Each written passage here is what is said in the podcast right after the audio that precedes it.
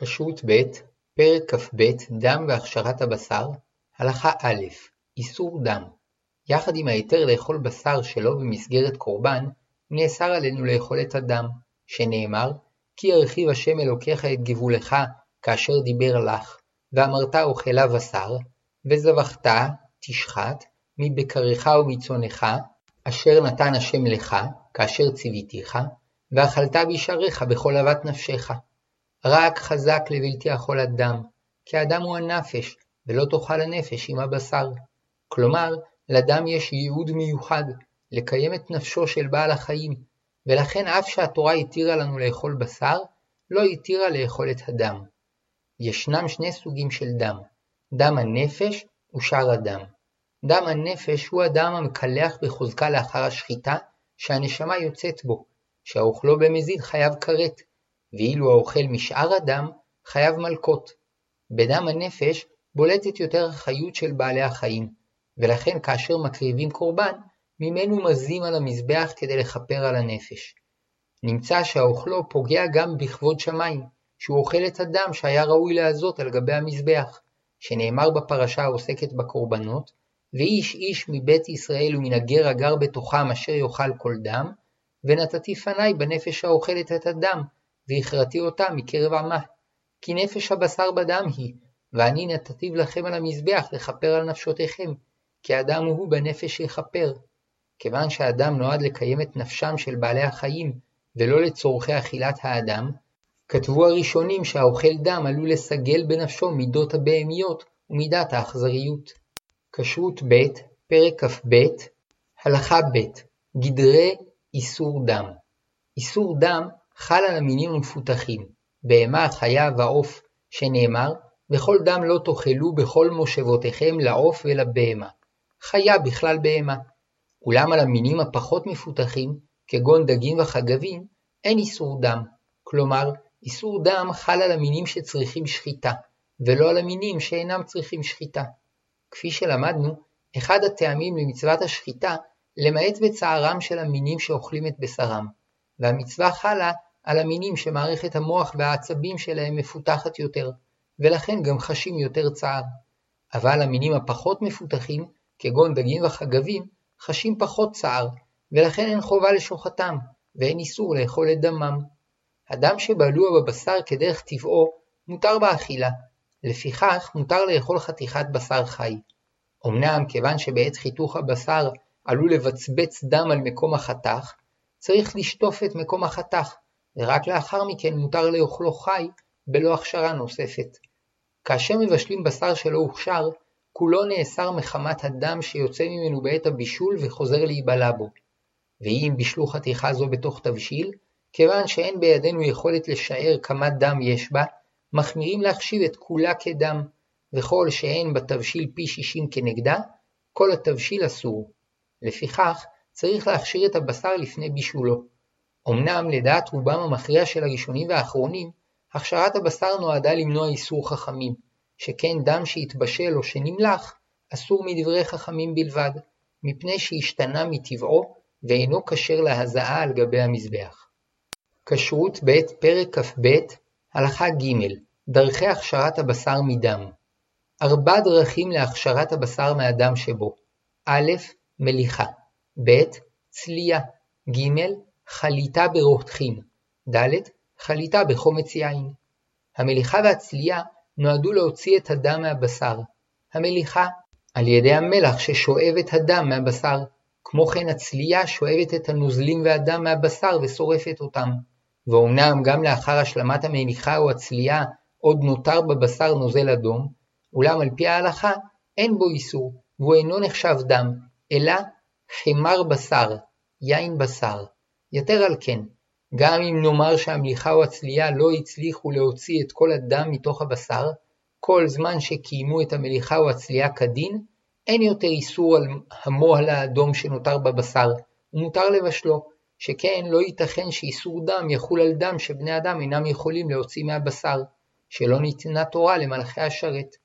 בנוסף לכך, לדעת רובם המכריע של הפוסקים, דם שנמלח או שהתבשל אסור מדברי חכמים בלבד, והם הורו שאחר מליחה או צלייה כדין, אין לחשוש יותר לדם שנותר בבשר, ואם הוא זב החוצה, מותר לאוכלו.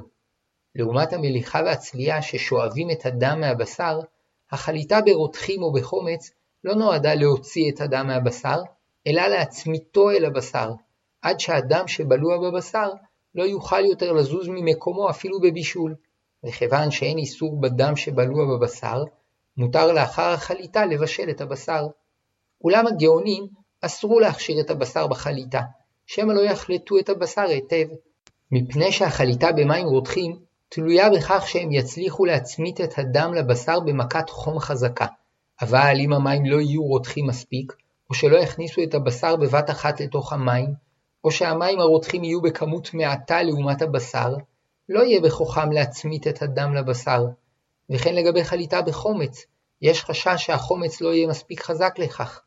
עוד יש לחשוש שמא החומץ יתאדם מעט, וזה סימן שהחליטה לא הצליחה והבשר והחומץ נאסרו, ואולי לא יבחינו בכך. לפיכך, הרוצה לבשל בשר, חייב להכשירו תחילה במליחה או בצביעה. כשרות ב' פרק כ"ב הלכה ד' הכנת הבשר למליחה לפני שנפרט את סדר המליחה על שלושת שלביו, הדחה, מליחה והדחה, יש להקדים שהמליחה מועילה להוציא את הדם הבלוע בבשר, אבל אינה מועילה לדם שכנוס וניכר בתוך צינורות הדם הגדולים, כגון אלו שבכתף ובלחי ובלשון, הואיל ודם זה נחשב ככנוס ועומד בכלי. לפיכך, צריך לחותכם לפני המליחה, כדי שהדם שכנוס בהם יוכל לצאת. המליחה גם אינה מועילה לצינורות הדם שבקרומי המוח ובביצי הזכר, שצריך להסירם או לפחות לחותכם כדי שהדם שבהם יוכל לצאת במליחה. בשר שנצרר בו דם מחמת מכה עד שיתאדם, צריך לחותכו לפני המליחה, כדי לעשות פתח לדם שיוכל לצאת דרכו. ואם לאחר המליחה הבשר עוד יישאר אדום, אין בזה איסור.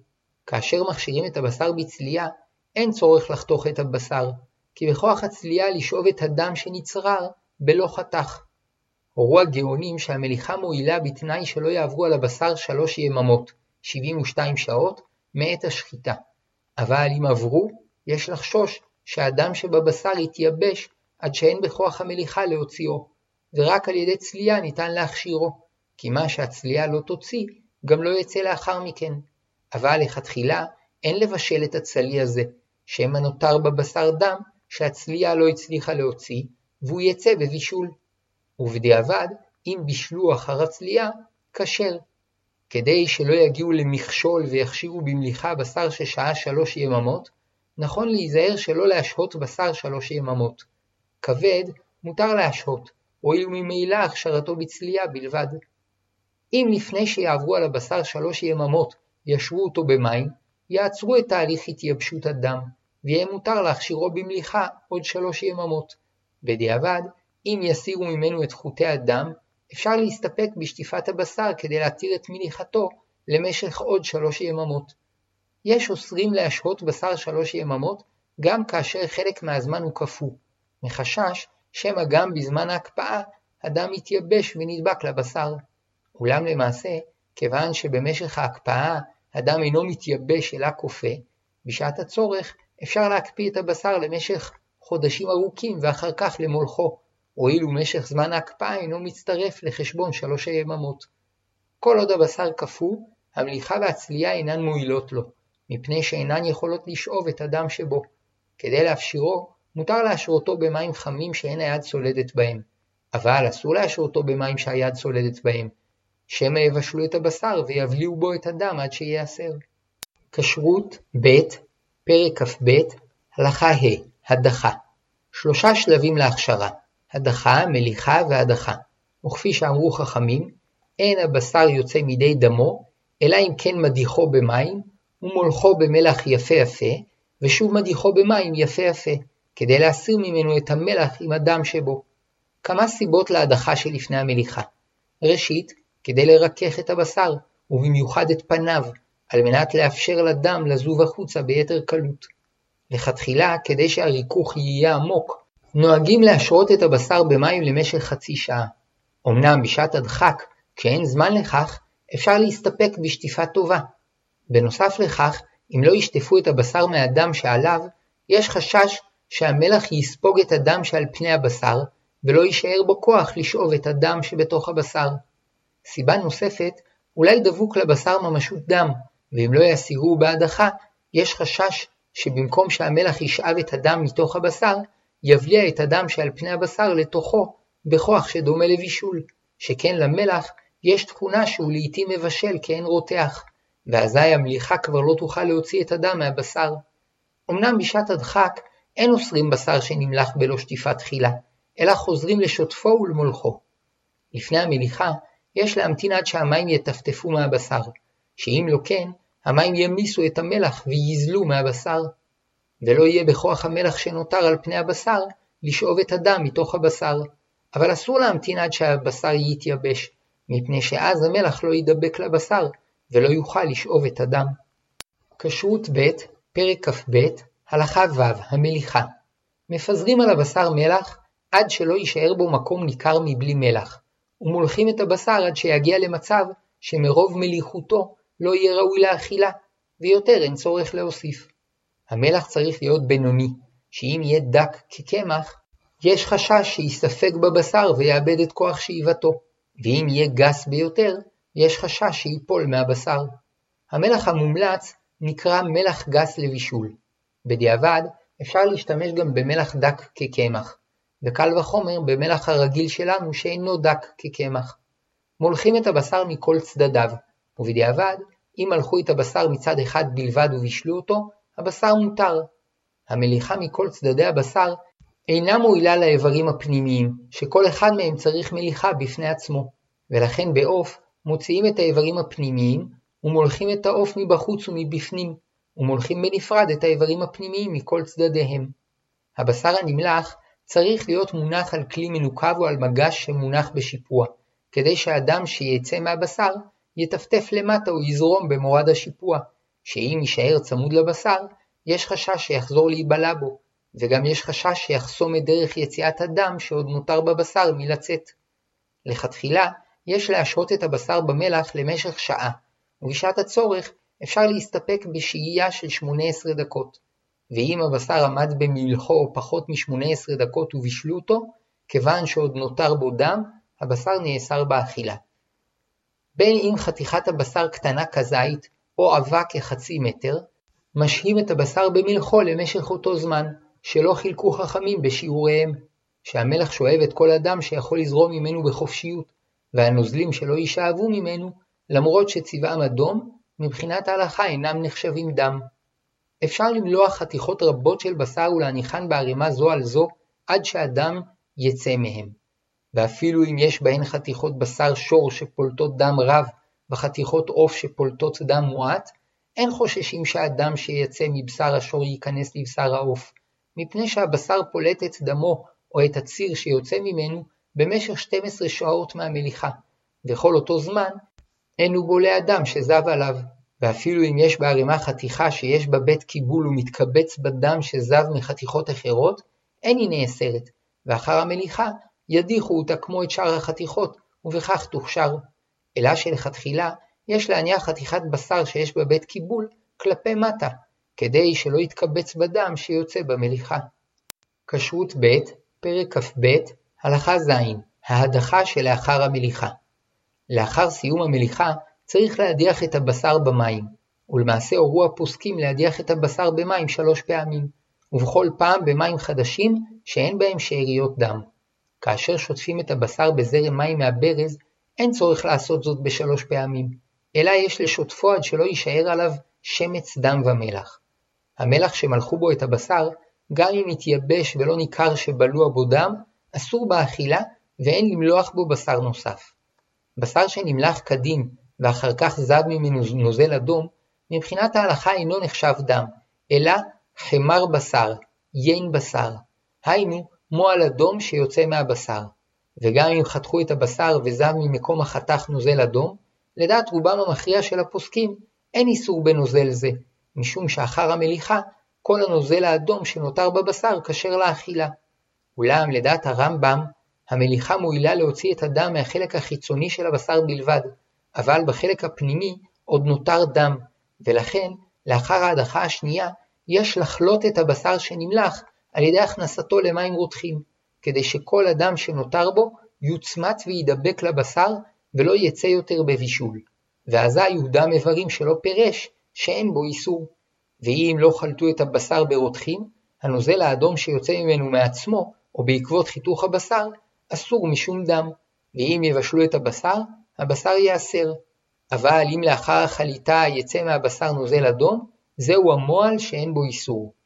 למעשה המנהג הרווח שלא לחשוש לדעת הרמב"ם, ורק מעולי תימן ישנם שנוהגים להחמיר כדבריו, ויש אומרים שדברי הרמב"ם נאמרו לגבי מליחה של 18 דקות, אבל אם משהים את הבשר במלח למשך שעה כפי שנוהגים כיום, כל אדם יוצא או נצמט לבשר, וגם לרמב"ם אין צריך אחר כך לחלות את הבשר במים רותחים, וגם אם יזוב ממנו נוזל אדום, אין בו איסור. ואף יוצאי תימן שנוהגים להחמיר לחלות את הבשר, רשאים לסמוך על כך בשעת הצורך. כשרות ב', פרק כ"ב, הלכה ח' איברים מיוחדים. עצמות שיש בהן מח צריכות הדחה, מליחה והדחה כמו בשר, והמליחה שנעשית על העצם מועילה למח שבהן, ואם מלכו את הבשר עם העצמות, המליחה של הבשר מועילה גם לעצמות. לב, בתוך חדרי הלב כנוס דם, ולכן צריך לחתוך תחילה את הלב ולשטוף את הדם שנותר בתוך חדריו, ואחר כך למולכו או לצלותו. בדיעבד, אם מלכו או צלו את הלב בלא לנקותו, יחתכו אותו וישטפו את הדם הכנוס בחדריו. בני מעיים, מהקיבה ועד החלחולת, אינם צריכים מליחה, הואיל ואינם מוחזקים כאיברים שיש בהם דם. היינו שדמם מועט כל כך, עד שאינו ניכר ואין חשש שיצא ממקומו. ורק אם יש מקום במעיים שיש בו מראה אדום, משמע שנתקבץ בו דם וצריך למולכו. השומן שעל גבי בני המעיים, כמו שאר השומן והבשר, צריך מליחה.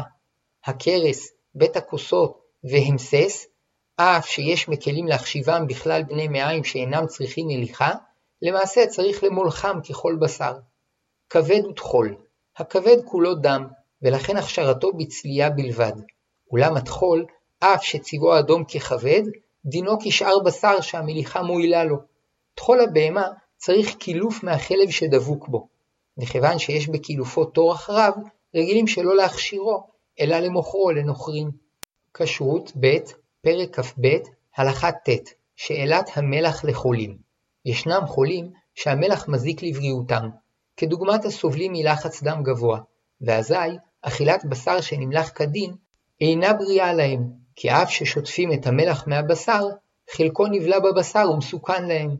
הפתרון הראשון הוא להכשיר את הבשר בצלייה, שבאופן זה אין צורך להשתמש במלח, ואף שלכתחילה מולכים מעט את הבשר לפני הצלייה, בשעת הצורך אפשר להקל בזה. כאשר החולה אינו יכול לאכול צלי, אפשר לאחר הצלייה לבשל את הבשר כדי לרככו. כמו כן, אפשר להכשיר במליחה חתיכת בשר גדולה מאוד, ואחר כך לחתוך את השכבה החיצונית של הבשר, שבה המליחות מורגשת, ולתת לחולה מהחלק הפנימי שאין בו מליחות. כאשר פתרונות אלו אינם מתאימים, אפשר להכשיר את הבשר בחליטה. ואומנם הגאונים החמירו לכתחילה שלא להכשיר בחליטה, אולם בשעת הדחק הורו להכשיר את הבשר בחליטה של חתיכות קטנות, תוך הקפדה שלפני הטלת כל חתיכה למים, המים ירתחו ויעלו עדים, ובאופן זה מותר לחלות לצורך חולה. כשרות ב' פרק כ"ב הלכה י' צלייה כשם שהמליחה מכשירה את הבשר על ידי הוצאת הדם, כך הצלייה מכשירה את הבשר על ידי הוצאת הדם ושרפתו. וגדול כוח הצלייה מהמליחה, שהמליחה אינה מועילה לבשר ששהה שלושה ימים, כי הדם שבו כבר התייבש, ואילו הצלייה מועילה לו. כמו כן, מליחה אינה יכולה להוציא דם שנצרר בבשר, בלא שיחתכו את מקום הצרירה, ואילו הצלייה מוציאה אותו גם בלא חיתוך מקום צרירת הדם. מליחה גם אינה מועילה לכבד, הואיל וכולו דם, אולם הצלייה מועילה לו. כך הוא סדר הצלייה. שוטפים את הבשר משאריות הדם שעליו, סמוך לצלייה רצוי למלוח אותו מעט, צולים אותו עד שיהיה ראוי לאכילה, ובכך הוא נעשה כשר.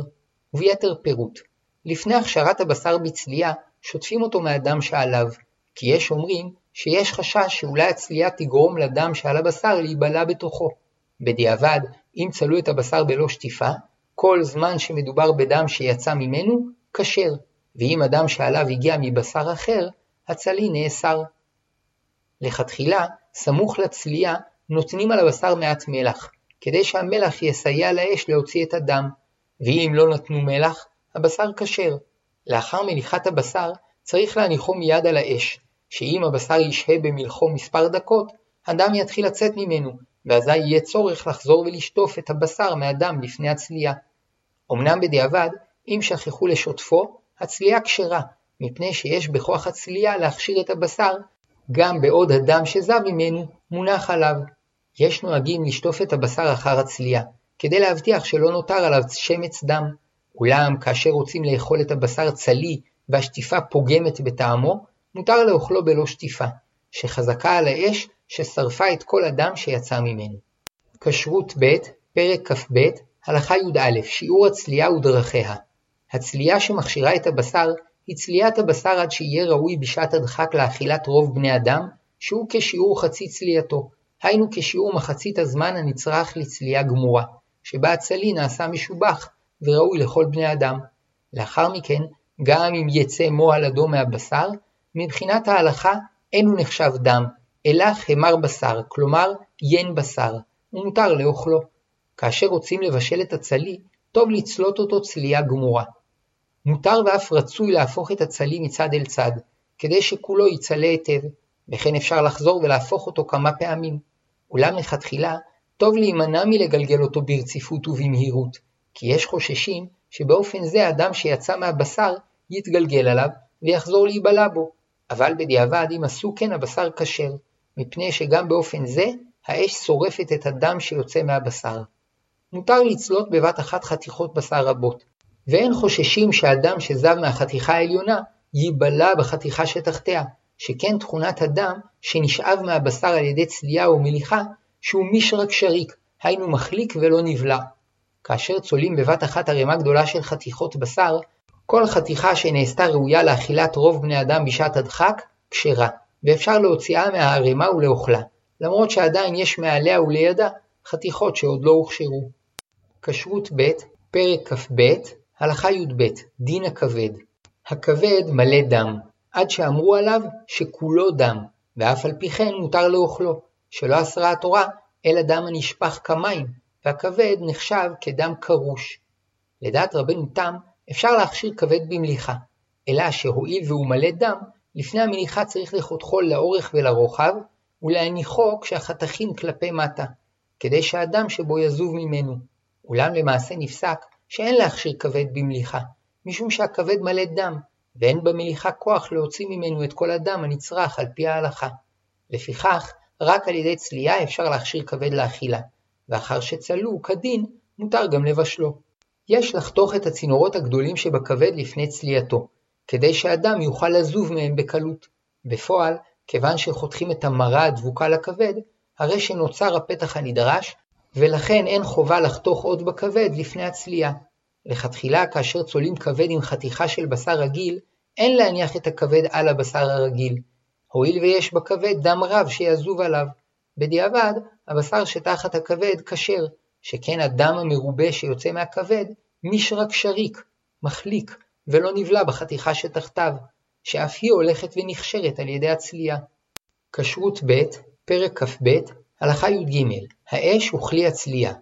הצלייה יכולה להתבצע על אש גלויה, כאשר הבשר תפוס ברשת או בשיפוד, והדם שיוצא ממנו זב אל תוך האש.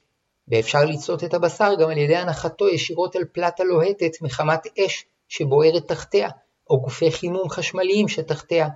ואם הפלטה חלקה, הדם שיוצא מהבשר נוזל לצדדים, והמעט שנותר תחת הבשר נשרף וקלה. אבל אם היא מחוספסת, או שיש בה שקערוריות, נכון להניחה בשיפוע, כדי שהדם שיצא מהבשר יזוב כלפי מטה ולא יילכד תחת הבשר. ועל כלי או משטח שיש לו בית קיבול, אסור לצלות בשר, שכן הדם שיצא בצלייה אינו יכול לנזול לצדדים, וממילא ייבלע בבשר ויאסור אותו לתמיד, כדרך שבישול בשר שלא נמלח אוסר אותו לתמיד. מותר לצלות בשר בתוך תנור גז או חשמל, ומותר לסגור את התנור בעת הצלייה, ואין זה משנה אם גופי החימום תחת הבשר או מעליו או מצידו, כל שהבשר נצלה כראוי ויש לדם מקום לזוב, הבשר מוכשר. כדי שתחתית התנור לא תתלכלך ואף תיאסר מחמת בליעת טעם הדם, יש להניח בתחתית התנור כלי שיקלוט את הדם שיזוב מהבשר.